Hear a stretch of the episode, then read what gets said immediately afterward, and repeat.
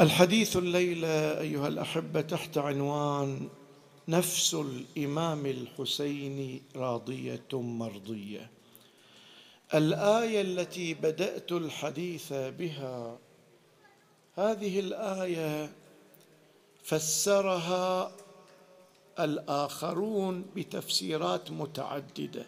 أنقل لك خمسة تفسيرات لهم لنناقش هذه التفسيرات ونذكر ما رواه علماؤنا عن أهل البيت عليهم السلام. خمسه تفسيرات ذكروا. التفسير الأول أن آية النفس المطمئنة نزلت في الحمزه عم النبي صلى الله عليه وآله وهذا ذهب إليه أبو هريرة وبريده الأسلمي. الرأي الثاني يقول نزلت في عثمان بن عفان حينما أوقف بئر روما قال ذلك الضحاك. عثمان هو من نزلت فيه الآية. الرأي الثالث يقول نزلت في خبيب بن عدي. هذا رجل أسلم فصلبه أهل مكة. فيقول مقاتل أن الآية نزلت في خبيب. هذا رأي. الرأي الرابع يقول وقد تبناه الماوردي قال نزلت في أبي بكر ابن أبي قحافة. الرأي الخامس يقول نزلت في كل المؤمنين بلا استثناء تبناه عكرمة. خمسة آراء كلها لا نرتضيها. أولا لا دليل صحيح عليها. وإذا قرآن آية عامة تجي تخصصها بشخص عندك دليل وإلا أسكت. صح ولا لا؟ ما في دليل صحيح على هذه الأقوال الخمسة. هذا واحد. الجواب الثاني هو أن الدليل عندنا ورد أنها ليست في هؤلاء بل في الحسين وجماعة سنذكرهم في الحديث. الجواب الثالث وهو موضوع الليلة أن القرآن وبقية النصوص الداعمة للقرآن التي تفسره لا تنطبق على هذه الأسماء تنطبق على الحسين عليه السلام. فنريد الليلة أن نعطي مجلسنا لنتعرف على بعض مقامات الحسين من خلال هذه الآية. فنبدأ. اولا سننطلق من كلمة عبادي. فادخلي في عبادي. كلمة عبادي لا تستهين بها. كيف يعني؟ هذه ليست منطبقة على الجميع. أنا عبد الله. هذه دعوة. كم مرة عبدت هواي العبودية هي أعلى المراتب. الناس ما تفهم معنى العبودية. الله تبارك وتعالى لما أراد أن يمدح افضل مخلوق وهو رسول الله صلى الله عليه وآله قال سبحان الذي أسرى بعبده. وإحنا في الصلاة نشهد له وأشهد أن محمدا صلى الله عليه وآله عبده. بدأنا بالعبودية وثنينا بالرسالة. وبالتالي ما معنى العبودية؟ الإمام علي وش يقول؟ يقول كفى بي فخرا عندي هالمقام أن, أن أكون لك عبدا. لو أنا أصير وصي هاي فخر ما بعد فخر يكفي الفخر يغطي كل شيء. العبودية أن أرى نفسي مملوكا لله لا حول لي ولا قوة ولا أملك لنفسي نفعا ولا ضرا فأثق بربي وأسلم له وأرضى لحكمه ولقضائه وأتقلب في الحكمة التي عند الله ويريدها لي. أشعر بهذا المقام هذا مقام عالي. فإذا الله يقول النفس المطمئنة وصلت إلى حد تدخل في هالدائره في هذا اللقب عبادي مو واحد. وعلى أساس نأكد الفكرة نروح لسورة الفرقان. نقول يا رب أنت عبادك شنو مواصفاتهم؟ قال تعالى وعباد الرحمن الذين يمشون على الأرض هونا وظل يوصف فيهم وإذا خاطبهم الجاهلون قالوا يجي واحد من الشام ويشتم الحسن الزكي ويشتم ويشتم ويشتم ويشتم خلص سنفونيته قال له إن كنت جائعا أطعمناك إن كنت كذا حملناك إن كنت آويناك ولا تستوي الحسنة. هذا تربية القرآن. هي عباد الرحمن مو كل واحد يمسك نفسه. والذين يبيتون لربهم سجدا وقياما. موجودة في الأسماء اللي جابوها؟ لا. والذين يقولون ربنا اصرف عنا إلى أن يقول. الشاهد وينه والذين يقولون ربنا هب لنا من أزواجنا وذرياتنا قرة أعين. وإيش المطلوب الثاني؟ واجعلنا للمتقين إماما. أسألك الإمامة في القرآن لها خصائص لو لا؟ لها خصائص. الإمامة في القرآن كيف الله يمدحهم أن يطلبوا منه أن يكونوا أئمة على المتقين على أفضل الناس؟ يكون هذا إمام عليهم. والقرآن يمدحهم بهالطلب إذا هذا الطلب متاح لهم لأنهم فيهم الشروط. شوف النبي إبراهيم لما الله جعل إمام فرح قال إني جاعلك للناس إماما قال ومن ذريتي. أريد الأولادي من أعطيها أولادك مو كلهم. قال لا ينال عهدي الظالمين. الظالم الغير معصوم ظالم. الغير معصوم ظالم أنا ظالم أي ذنب صغيرا كان أم كبيرا أرتكبه أنا ظالم. يقول تعالى وما ظلمونا ولكن كانوا أنفسهم يظلمون. شوف الآية تلك حدود الله. أوامره ونواهيه فلا تعتدوها ومن يتعد حدود الله فأولئك هم الظالمون. فالظالم يتعدى الحدود ويخالف أمر الله صغيرا أمره كان أم كبيرا. هذا ما يصير إمام. فأول شرط للإمامة هو أن يكون معصوما لم يظلم نفسه ولا يظلم نفسه. مضمون. والحسين إمام لو مو إمام. روى أهل القبلة. الحسن والحسين إمامان قاما أو قعدا. نجي الآن إلى نقطة الشرط الثاني للإمامة. الشرط الثاني أن يكون عند يقين. من وين؟ نشوف القرآن. وجعلنا منهم أئمة لما صبروا وكانوا بآياتنا يوقنون. ما يصير تعطي الإمامة واحد ما عنده يقين.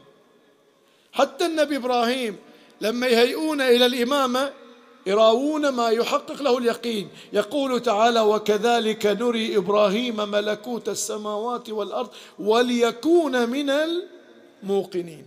حتى يوصل إلى مقام اليقين أراه الملكوت. وإحنا قلنا قبل كم ليلة الأئمة يطلعون على أعمالنا. وقل اعملوا فسير الله. شلون يكشف له عندهم اليقين مرتبة عالية. فاللي عنده اليقين ينكشف له. من وين هالكلام؟ النبي صلى الله عليه وآله صلى الصبح وإذا شاب أصفر وجهه الحين يخفق سأل كيف أصبحت؟ قال أصبحت موقنا. دعوة كبيرة له؟ قال له وش حقيقة يقينك؟ وقام يقول أنا يا رسول الله كأني أرى النار وأسمع أهلها يعذبون يصطرخون فيها أنا قاعد وكأني أشوفهم وأسمعهم. وكأني أرى الجنة وأهلها ينعمون فيها. وأنا قاعد إياه قال لي إلزم ما أنت عليه. حافظ على هالمستوى لا يروح. شوف هذا اليقين وصل لي نشوف النار والجنة. شيخ جواد يامل يقول هذا بعده ما وصل. يقول كأنه لو بعد زاد بيقول أرى. ولا دليلك القرآن. وين القرآن؟ النعيم شلون الله يقول؟ عن النعيم وما أدراك ما عليون. علو بعد علو. كتاب مرقوم يشهده المقربون. في الجن في الدنيا المقربون يرون النعيم في الجنة. زين العذاب. كلا لو تعلمون علم اليقين لترون الجحيم. وانت في الدنيا تشوف النار. فإذا كان الإمام يقين وكشف هذا موجود في خبيب وأبو بكر وعثمان وحمزة كلهم على اختلاف شأنهم ما عندهم ما ادعوا لأنفسهم هذا ما وصلوا لهذا. بالتالي لازم المصداق الأوضح لعباد الرحمن موصل هالمقام. وإيش يقول شيخ حسن الدمستاني؟ الله يرحمه في قصيدته المشهورة المعروفة يقول شاهدوا الجنة كشفا ورأوها رأي عين اللي يوصل هالمقام يتمنى كل لحظاته في سبيل الله حتى موته. إن صلاتي ونسكي ومحياي ومماتي لله رب العالمين. وقتلا في سبيلك فوفق لنا. هاي أمنية المؤمن. وهذا الشاب اللي النبي قال له كيف أصبحت؟ قال لي إلزم ما أنت عليه. قال ادعوا لي يا رسول الله أنال الشهادة فدعا له الرسول. اللي وصل المقام ينبي حتى الشهادة يحظى بها أي مكان عرفنا الآن؟ فوصلنا إلى نتيجة أن الإمامة التي يطلبها عباد الرحمن تحتاج إلى يقين. فإذا عبادي وادخلي في عبادي ادخلي في الذين بلغوا اليقين وانكشف لهم الغطاء. هذا مقام أي واحد يعطى. هذا الشرط الثاني. الشرط الثالث الصبر. وجعلنا منهم أئمة لما صبروا. في لحظات الأخيرة أمير المؤمنين يودع أولاده. آخر شيء التفت للحسين. وصايا الخصوصية آخر شيء الحسين. قال يا أبا عبد الله أنت شهيد هذه الأمة فعليك بتقوى الله والصبر على بلائه. اصبر أنت بتواجه بلاء صعب. وكان في كربلاء. يقدم ويقدم ويتلألأ وجهه نورا لأنه راض بما يجري.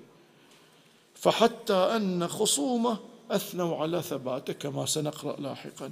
إذا الصبر يا حبيبي هذه علامة من علامة وشرط من شروط الإمامة موجودة في الحسين. بعد انجي إلى التقوى.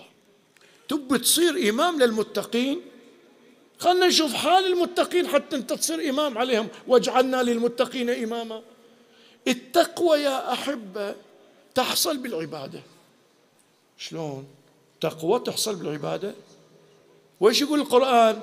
يا أيها الناس اعبدوا ربكم يا أيها الناس اعبدوا ربكم الذي خلقكم اعبدوا. والذين من قبلكم أنتم اللي قبلكم خلقهم الله. لما؟ لعلكم تتقون. فالعبادة تحقق التقوى. مثال ثاني كتب عليكم الصيام. صيام عبادة لا مو عبادة؟ كما كتب على الذين من قبلكم لعلكم تتقون. الصلاة عبادة. إن الصلاة تنهى والنهي عن الفحشاء تقوى. فالعبادة يا أحبة طريق التقوى. انجي نشوف الآن شلون هذا لين عباد الرحمن تب تصير إمام على المتقين. شنو حال المتقين؟ شنو حال عباد الرحمن؟ قال والذين يبيتون لربهم سجدا وقياما. أنام قال لي ساعة تعبد نص ساعة يمكن لكن يبيت سجود وتلاوة وقيام. لهذا يقول صاحب العقد الفريد مو شيعي. ابن عبد ربه مو شيعي. يقول سئل الإمام السجاد السجاد متميز بشنو؟ بشنو؟ بعبادته صح ولا لا؟ هذا العابد متعجب. شلون؟ سأله رجل قال ما أقل ولد أبيك؟ وأبوك ما خلف عيال إلا قليل. ليش؟ فقال الإمام العجب كيف ولدت له؟ شوف جابني. كان يصلي في اليوم والليل ألف ركعة فمتى كان يتفرغ للدعاء؟ للنساء. متى يتفرغ للنساء؟ مشغول بالعبادة. هذا تشوف الحاج ما يرى نفسه حج إذا ما قرأ دعاء الحسين في عرفة. وليلة العاشر في بعض المرويات تحول نيف وثلاثين من معسكر عبيد عمر بن سعد إلى الحسين لأن يشوفون طيلة الليل تهجد وتلاوة دعاء ذكر. راحوا راحوا للجنة راحوا. فإذا إذا كانت هذه عبادة الحسين من الطبيعي يصبح متقي بل إمام المتقين نجي الآن إلى العبادة. العبادة ذكر يا أحبة لو مو ذكر. متى الإنسان يكون عابد على طول؟ إذا يريد أن يعيش حالة الذكر مع الله على طول. يعني العبادة ذكر الله يقول في القرآن وأقم الصلاة لذكري. فاللي يصلي يذكر الله لو لا. سألوا أنفسكم ساهين في الصلاة لو متوجهين؟ الله يريدها ذكر. فاللي صلاته سهو يراجع نفسه يرتبها من جديد. فالعبادة ذكر. انزين انجي الآن إلى مقدمة أنا بقولها وبعدين أقرأ لك الآيات. حبيبي إحنا الله خلقنا. الله ما فاوت بيننا. الله أفاض الوجود وكل واحد ياخذ قدر وعائه. شلون يعني؟ بجيب مثال عرفي وعلى أساس يقرب الفكرة. لو أنا عندي ضيافة وقلت لأهالي البلدة أيها الناس كل يأتي بقدره يجيب قدر ماله ظرف ماله آنيته إحنا نحط له طعام. باكر كلكم تعالوا. واحد جاب قدر صغير واحد جاب هالقد. قلنا الخير موجود اللي تريد خذ. كل واحد ترسنا وعاء اللي جابه. الآن هذا أخذ كثير وهذا قليل. أنا فاوت في العطاء لو هم أوعيتهم مختلفة. أنا ما فاوت. الله يضرب مثل في القرآن يتكلم عن نزول المطر يقول أنا نزلت المطر على الأودية فسالت أودية بقدرها. الوادي السحيق أخذ ماء واجد مو أنا مو أعطيته كثير أعطيته قليل. المطر نفس الكمية نزل على كل الوديان بس كل وادي ياخذ قدر حجمه. وما كان عطاء ربك محظورا إذا كان النبي أكمل إنسان معناه شنو؟ وعاء النبي أوسع وعاء صح ولا لا؟ إذا كان أوسع الله يعطيه على طول. إن الله وملائكته وملائكته يصلون على النبي. يا أيها الذين آمنوا صلوا عليه وسلموا تسليما.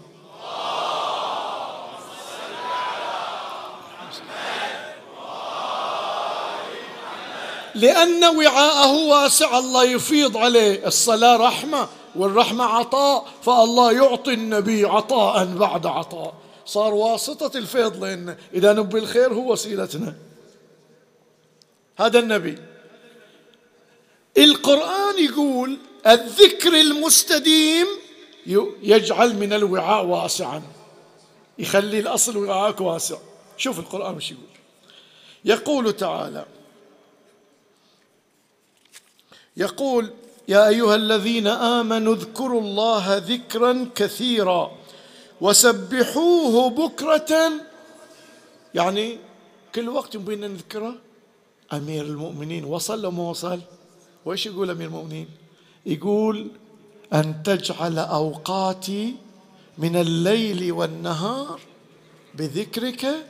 يعني يريد كل آنات يومه هو ذاكر. وصل. هذا جاي يعلمنا كيف نطلب. هو وصل. فالآن القرآن يقول يا أيها الذين آمنوا اذكروا الله ذكرا كثيرا وسبحوه بكرة وأصيلا.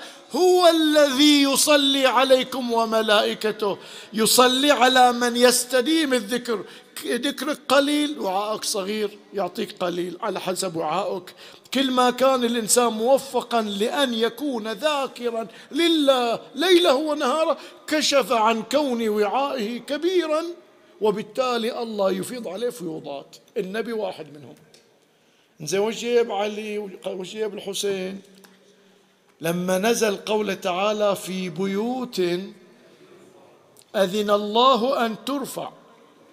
ويذكر فيها اسمه يسبح له فيها بالغدو والآصال. من يا رب؟ قال رجال لا تلهيهم تجارة. يمارس التجارة بس ما تلهي ولا بيع عن ذكر الله وإقام الصلاة وإيتاء الزكاة.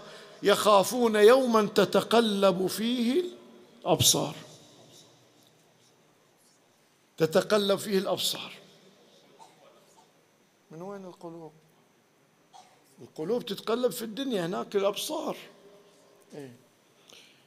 فيا حبيبي شوف المعنى الآن. هذه لما نزلت الآية طلعها بعد أنا توسوس لي أنا اللي أعرفها كذي. إيه. ها؟ طالعوها طلعتونها آية خليني أكتبها يا عزيزي.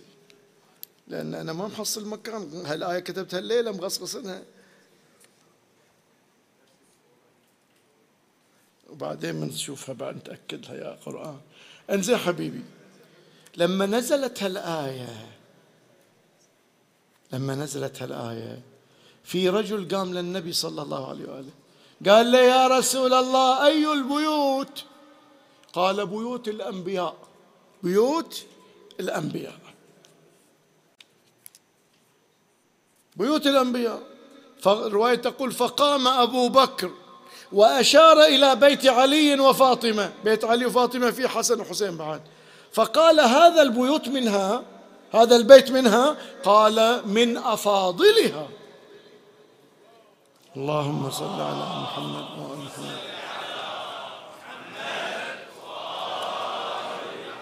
ليش النبي صك الأبواب إلا بابه وباب علي؟ لأن هذا مسجد. هذا بيت علي مسجد. ولد في المسجد وعاش في مسجد وقتل في مسجد. هذا أن تجعل أوقاتي من الليل والنهار هو المصداق. فالحسين في تلك البيوت التي قال النبي عنها صلى الله عليه وآله من أفاضلها. فإذا كان من أفاضلها يا حبيبي بيكون مشغول بالعبادة على طول. والعبادة تخلق تقوى. ولا يضاهي تقواه تقوى غيره فهو إمام المتقين. بعد متى الواحد يلهج بالذكر يشتغل بذكر؟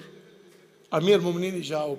في الرواية عنه من أحب شيئا لهج لهج بذكره. كان مشغول بذكره. إذا تحب واحد تنساها شوف الأم إذا تحب ولد من يعطونا شيء خشت لولدها فالحب هكذا يخلي المحبوب حاضر.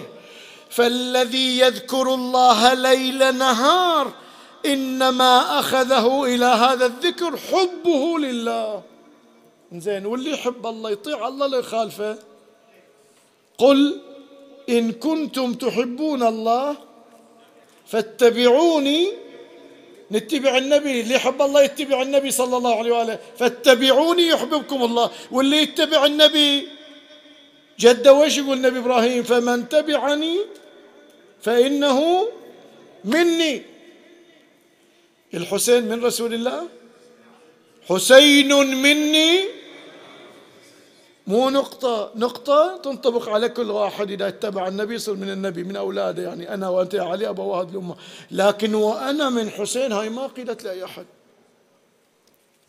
وقالوا أنه يكفي أن يقول أنا حسين مني وأنا منه لكنه كرر اسم الحسين حبا فيه. والحبيب يحب يذكر اسم حبيبه. فقال حسين مني وأنا من حسين. أحب الله من أحب حسين. حسين صرت من أصباط. يكرر يكرر يكرر الاسم لحبه له. والنبي مو مو يعني نسب بس يعني لأنه والبتي أنا لا هذه ألقاب لها ما وراءها القرآن جل نساء النبي وقال هاي زوجات النبي أمهات المؤمنين. تسأل علماء أمهات المؤمنين يعني شنو؟ يصير أدخل على زوجة النبي بلا حجاب وأقول هذه أمي؟ يقول لا ما يجوز. تقولون أمي؟ قال أمك في أمرين أنك لا يجوز أن تتزوجها. والأمر الثاني أن تحترم النبي فيها صلى الله عليه وآله. هالاحترام وعدم الزواج. أما تجعل لا لا مو كل الأحكام بس هالأمرين. لكن في تعبيرات قوية. في آية المباهلة قال وأنفسنا فجعل عليا نفس رسول الله. هذا مو مو, مو تعبير مو مجازي. يعني بمعنى هو مجازي لكن يشير له نفسه في المواصفات إلا أنه لا نبي بعد رسول الله صلى الله عليه وآله. وكل ما عند علي علمه النبي صلى الله عليه وآله. فإذا يجي يقول حسين مني وأنا من حسين يعني إحنا شيء واحد. أمري أمره أمره أمري. حبي حبه حبه حبي. الاعتداء عليه الاعتداء عليه. أحب الله من أحب حسينا. إذا هذه الآيات تأخذنا بالتسلسل إلى كل مقامات تنطبق على الحسين ما تنطبق على أي واحد يدعيها. انجي إلى آية أخرى. كلا إن كتاب الأبرار لفي عليين. وما أدراك ما عليون كتاب مرقوم يشهده المقربون. يقول المقربون أعلى رتبة من الأبرار القرآن يقول. والمقربون يرون ثواب وعمل الأبرار. انزين الأبرار واحد بيصير من الأبرار. ها؟ يقول تعالى لن تنالوا البر حتى تنفقوا. ما تحبون لو مما تحبون. من؟ من؟ فيدفع بعض الشيء اللي عنده. وهذا انطبق على أهل البيت في سورة الإنسان سورة الدهر. ويطعمون الطعام على حبه. حب الطعام. راح يقول حب الله يقول لا الآية الثانية تدل على حب الله. هذا السيد الطباطبائي يقول حب الطعام جياع. ويطعمون الطعام على حبه مسكينا ويتيما وأسيرا. إنما نطعمكم لوجه الله. هاي هاي حب لله ولوجهه لا نريد منكم جزاء ولا شكورا. وإذا بسورة سورة الدهر سورة الإنسان تخلد أهل البيت على ما قدموا في تلك الأيام الثلاثة. قدموا طعام لكن الإخلاص. إذا قدموا طعاما فخلدهم الله إلى يوم القيامة قرآن يتلى فيهم. فكيف بالحسين؟ النبي شاف الحسين والحسن يرتعدون من شدة الجوع ثلاثة أيام ما يأكلون شافهم يرتعشون. أما الحسين فراى كل العائلة يعني أطفاله مو بس جوع عطش وجوع. ومو قدم بس الطعام أموال حتى لباس سلب قدم نفسه وأولاده وأحبته. وعرض عائلته للسلب والسبي والتشهير ولسان حاله تركت الخلق طرا في هواك وأيتمت العيال لكي أراك فلو قطعتني في الحب إربا لما مال الفؤاد إلى سواك. خذ حتى ترضى هاي شعار الحسين إذا كان من قدم طعاما ثلاثة أيام خلد من قدم كل شيء في كربلاء لا يخلد. هذا الذي تراه كل الدول فيها مآتم ومواكب والعالم كله الأيام منشغل بالحسين. خلده الله تبارك وتعالى. هذه كلها كلمة عبادي ورحنا نشوف القرآن وأبعادها. نجي لكلمة جنتي. جنتي يقولون القرآن قال جنة وقال الجنة وقال جنات لكن ما قال جنتي إلا المورد فقط. لهذا بعض العلماء يفسرها بتفسير. نريد أن نقدم مقدمة لهذا التفسير. القرآن يقول إن المتقين في جنات ونهر في مقعد صدق عند مليك مقتدر. يقول مثل الشيخ جوادي آملي الآية تدلل على وجود منزلتين. منزلة واحد هم في العلاقة مع الله سلم واستلم. تعبير الروايات عبادة التجار. شلون عبادة التجار؟ وش بتعطيني؟ كم قصر كم حورية كم نهار كم عسل كم كم كم؟ يوم بجنة. هذا يعبد الله عبادة التجار يودون الجنة يعطونا قصور وحور وهالأمور في واحد ثاني يقول لي والله يا رب أنا لو ما في جنة ونار بعبدك بعبدك. حبك هو اللي ملأ قلبي. جلوسي في المسجد أحب إلي من جلوسي في الجنة. جلوسي في المسجد فيه رضا ربي. وجلوسي في الجنة فيه رضا نفسي. ولأن رضا الله أطيب على النفس ورضوان من الله أكبر. فاللي يوصل إلى هم أن يرضي الله وليس همه الجنة والحور والقصور. يعطى الأمرين يعطى الحور والقصور ويعطى مقعد. مقعد صدق عند مليك مقتدر. يعني مثال عرفي ساعات واحد ينبي يدخل على السلطان الكريم اللي عنده خزائن وأموال. لو يقول أنبي يعطيني بيت ويعطيني سيارة ويزوجني وأمشي خلاص. هذا طلب داني. واحد يقول لا أنا أجالسة. أقول يا. إذا قعدت يا أنا أقول للشيء كن فيكون وأنت تقول للشيء كن فيكون مقام أعلى. الآن شيخ جوادي يقول الصوم لي في الرواية وأنا أجازي به. يعني اللي يصوم أنا اللي أعطيه ثوابه. لكن يقول وقرئت الصوم لي وأنا أجزى به للمجهول. مو للمعلوم. قال كيف يعني قال يعني جزاء بعض الصائمين أنا. يكون جليسي. مو حور قصور. جليسي. هذا مقام عالي. لهذا يقول هذه الآية البعض يقول فادخلي في عبادي وادخلي جنتي مو جنة حور وقصور هاي حصلينها حتى المؤمن العادي. هذه جنة الرضوان مجالسة الرحمن. مو كل واحد مؤهل لها. فالبعض يقول هكذا آه، المراد هنا. فإذا اتضح والكلام في أكثر من هذا لكن أكتفي بهذا المقدار. وأنتقل الآن إلى الرواية التي تقول أن الآية في الإمام الحسين.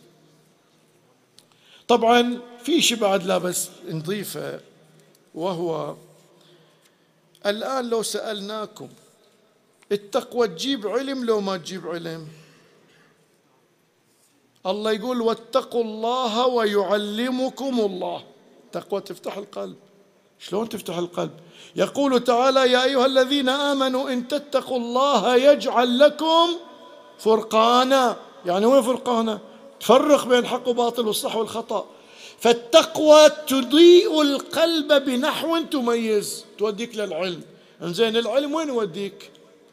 يوديك للخشية. إنما يخشى الله من عباده العلماء. الخشية وين توديك؟ إلى أنك تكون راضي عن الله والله راضي عنك؟ رضي الله عنهم ورضوا عنه. ذلك لمن خشي ربه. فإذا وصلنا إلى أن التقوى توصلك إلى العلم والعلم إلى الخشية والخشية تجعلك راضي عن الله والله راضي عنك. ولمن خاف مقام ربه جنتان زي هذه راضية مرضية في الآية؟ صرنا بالتقوى وصلنا لها. والطمأنينة ألا بذكر الله؟ وقلنا هاي في بيوت أذن الله أن ترفع ويذكر فيها اسمه. هاي كلها ذكر. فالطمأنينة عامرة في بيت علي وأولاد علي عليهم السلام. نقرأ الرواية الآن. عن إمامنا الصادق عليه السلام. اقرأوا سورة الفجر في فرائضكم ونوافلكم. فإنها سورة الحسين. إذا شنو سب للحسين اتمسك به. إحنا الشاعر لما يقول إحنا غير حسين ما عندنا وسيلة. لأن دي وسيلة واسعة. في الرواية تربة تربة تربة قبل حسين تسجد عليها تخرق الحجب السبع. سبحة تحملها بيدك تحركها يتسبح نيابة عنك. هاي وسيلة الحسين. فيقول هذه سورة الحسين. وارغبوا فيها رحمكم الله. فقام إليه رجل حاضر في المجلس هو أبو أسامة. قال كيف صارت هذه السورة للحسين عليه السلام خاصة؟ فقال ألا تسمع إلى قوله تعالى يا أيتها النفس المطمئنة ارجعي إلى ربك راضية مرضية فادخلي في عبادي وادخلي إنما يعني الحسين بن علي صلوات الله عليهما فهو ذو النفس المطمئنة الراضية المرضية وأصحابه من آل محمد صلوات الله عليهم هم الراضون عن الله يوم القيامة وهو راض عنهم. وهذه السورة في الحسين بن علي. وشيعته وشيعة آل محمد صلى الله عليه وآله خاصة. فمن أدمن قراءة الفجر كان مع الحسين عليه السلام في درجته في الجنة. إن الله عزيز حكيم. يعني بقدر ما تقرأ هذه السورة وتتطور في روحك في كمالك ترتقي لتقترب من ذلك الشأن العظيم. فعلى الإنسان أن لا يهمل هذه السورة. جاء في نهاية المجلس بعض المشاهد اللي تأكد أن الإمام كان راضي بما يجري عليه. أول مشهد لما طلبت منه البيعة. ما هو موقفه؟ الآن يريد أن يستلم أمر الله. فقالوا أنه جاء إلى قبر جده صلى الله عليه وآله وصلى ركعات. ثم جلس عند القبر إلى أن هودت عيناه فرأى جده. لكن هذه الرؤيه بطلب من الحسين صلوات الله عليه. كيف؟ يقولون أخذ يتوجه إلى الله بالنبي. اللهم هذا قبر نبيك محمد صلى الله عليه وآله وأنا ابن بنت نبيك. وقد حضرني من الأمر ما قد علمت. اللهم إني أحب المعروف وأنكر المنكر. أنا عندي طلب يا رب العالمين. وجاي لك بالوجيه عندك صاحب المقام المحمود. وأنا أسألك يا ذا الجلال والإكرام بحق القبر ومن فيه. إلا اخترت لي مو العافية مو السلامة ما هو لك رضا ولرسولك رضا اللي يرضيك أنا راضي. خذ حتى ترضى. هاي البداية. وصار يمشي إلى العراق والكل يقول له إنك مقتول. وهو يقول لا يخفى علي الأمر. اللي يخاف الموت أنتم أما إحنا شيعتنا علمناهم وقتلا في سبيلك فوفق لنا. مو إحنا بعد مقاماتنا. وبالتالي بالتالي يقول له الحور يقول له أذكرك الله في نفسك فإني أشهد أنك لئن قاتلت لتقتلن. قال أبي الموت تخوفني هذا اللي خاف الموت اللي ما عنده علاقة يا الله. أبي الموت تخوفني وهل يعدو بكم الخطب أن تقتلوني؟ ما أدري ما أقول لك. منطقك يختلف عن منطقي. ولكن أقول كما قال أخو الأوس لابن عمه سأمضي وما بالموت عار على الفتى. إذا ما نوى خيرا وجاهد مسلما وواسى رجالا صالحين بنفسه وخالف مثبورا وفارق مجرما فإن عشت لم أندم وإن مت لم ألم. كفى بك ذلا كفى بك ذلا أن تعيش وترغم وراح بعد في كربلاء. هذا آخر مشهد للحسين أو نشير مشهد مشهدين ونعرج على أصحابه. في كربلاء يا حبيبي لما وصل السهم إلى عنق الرضيع. أنت تتصور رضيع ستة أشهر. يشكو ألم العطش ويضاف لألمه حرارة سهم في العنق. وانت اللي وديته انت ابوه اللي اخذته يعني هذا الشيء صعب على النفس. وإذا بالإمام يسلي نفسه يقول أنا هذا الأمر يكون هينا ما دام بعين الله هون ما نزل بي أنه بعين الله. لهذا يقول حميد بن مسلم فوالله ما رأيت مكثورا قط قد قتل ولده وأهل بيته وأصحابه أربط جاشا ولا أمضى جنانا منه عليه السلام. لأنه مسلم لله يقول خذ حتى ترضى كل هدية تاخذ مني تدخل علي فرحا فيزداد وجهه نورا وتلألؤا. وهو صريع على الأرض يجود بنفسه وقلبه مع ربه يا إلهي صبرا على قضائك. ولا معبود سواك يا غياث المستغيثين. هذا كان حاله بأبي وأمي. أنصاره ناتي لولده الأكبر. لما استرجع والده سأله عن ذلك فأخبره بمن نعاهم وأنهم يسيرون والمنايا تسير إليهم. قال أولسنا على الحق؟ قال بلى والذي إليه مرد العباد. قال اذا لا نبالي أن نموت محقين. فجزاه الحسين خيرا. أما القاسم فلما أخبر الحسين أصحابه بأنهم غدا يقتلون قال عم وأنا في من يقتل؟ تقول الرواية فأشفق عليه عمه. فقال يا بني كيف الموت عندك؟ قال يا عم أحلى من العسل. قال إي والله فداك عمك إنك لأحد من يقتل من الرجال معي. بعد يا أبا عبد الله. قال بعد أن تبلو بلاء عظيم. وابن عبد الله عبد الله الرضيع أيضا له نصيب في الشهادة غدا. أما أصحابه فكانوا يتمازحون. لما يتمازحون؟ يتمازحون فرحا. يقول يقول عبد الرحمن لبورير يا بورير مو ساعة باطل يوم عاشر. فقال يا قال له والله إن لقد علم قومي أني ما أحببت الباطل كهلا ولا شابا. ليش عجل هذا؟ قال أنا في موقف فرح.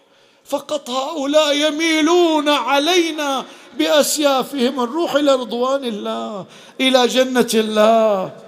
هذا الناس تتمناه إحنا الله تفضل علينا به. تعرف شنو كلماتهم في بعض ما يروى؟ والذي خاطبون الحسين والذي من بك علينا. إحنا إحنا في نعمة إن صرنا من أنصارك يا أبا عبد الله. لهذا الكل يقول يا ليتنا كنا معكم. فنفوز فوزا عظيما.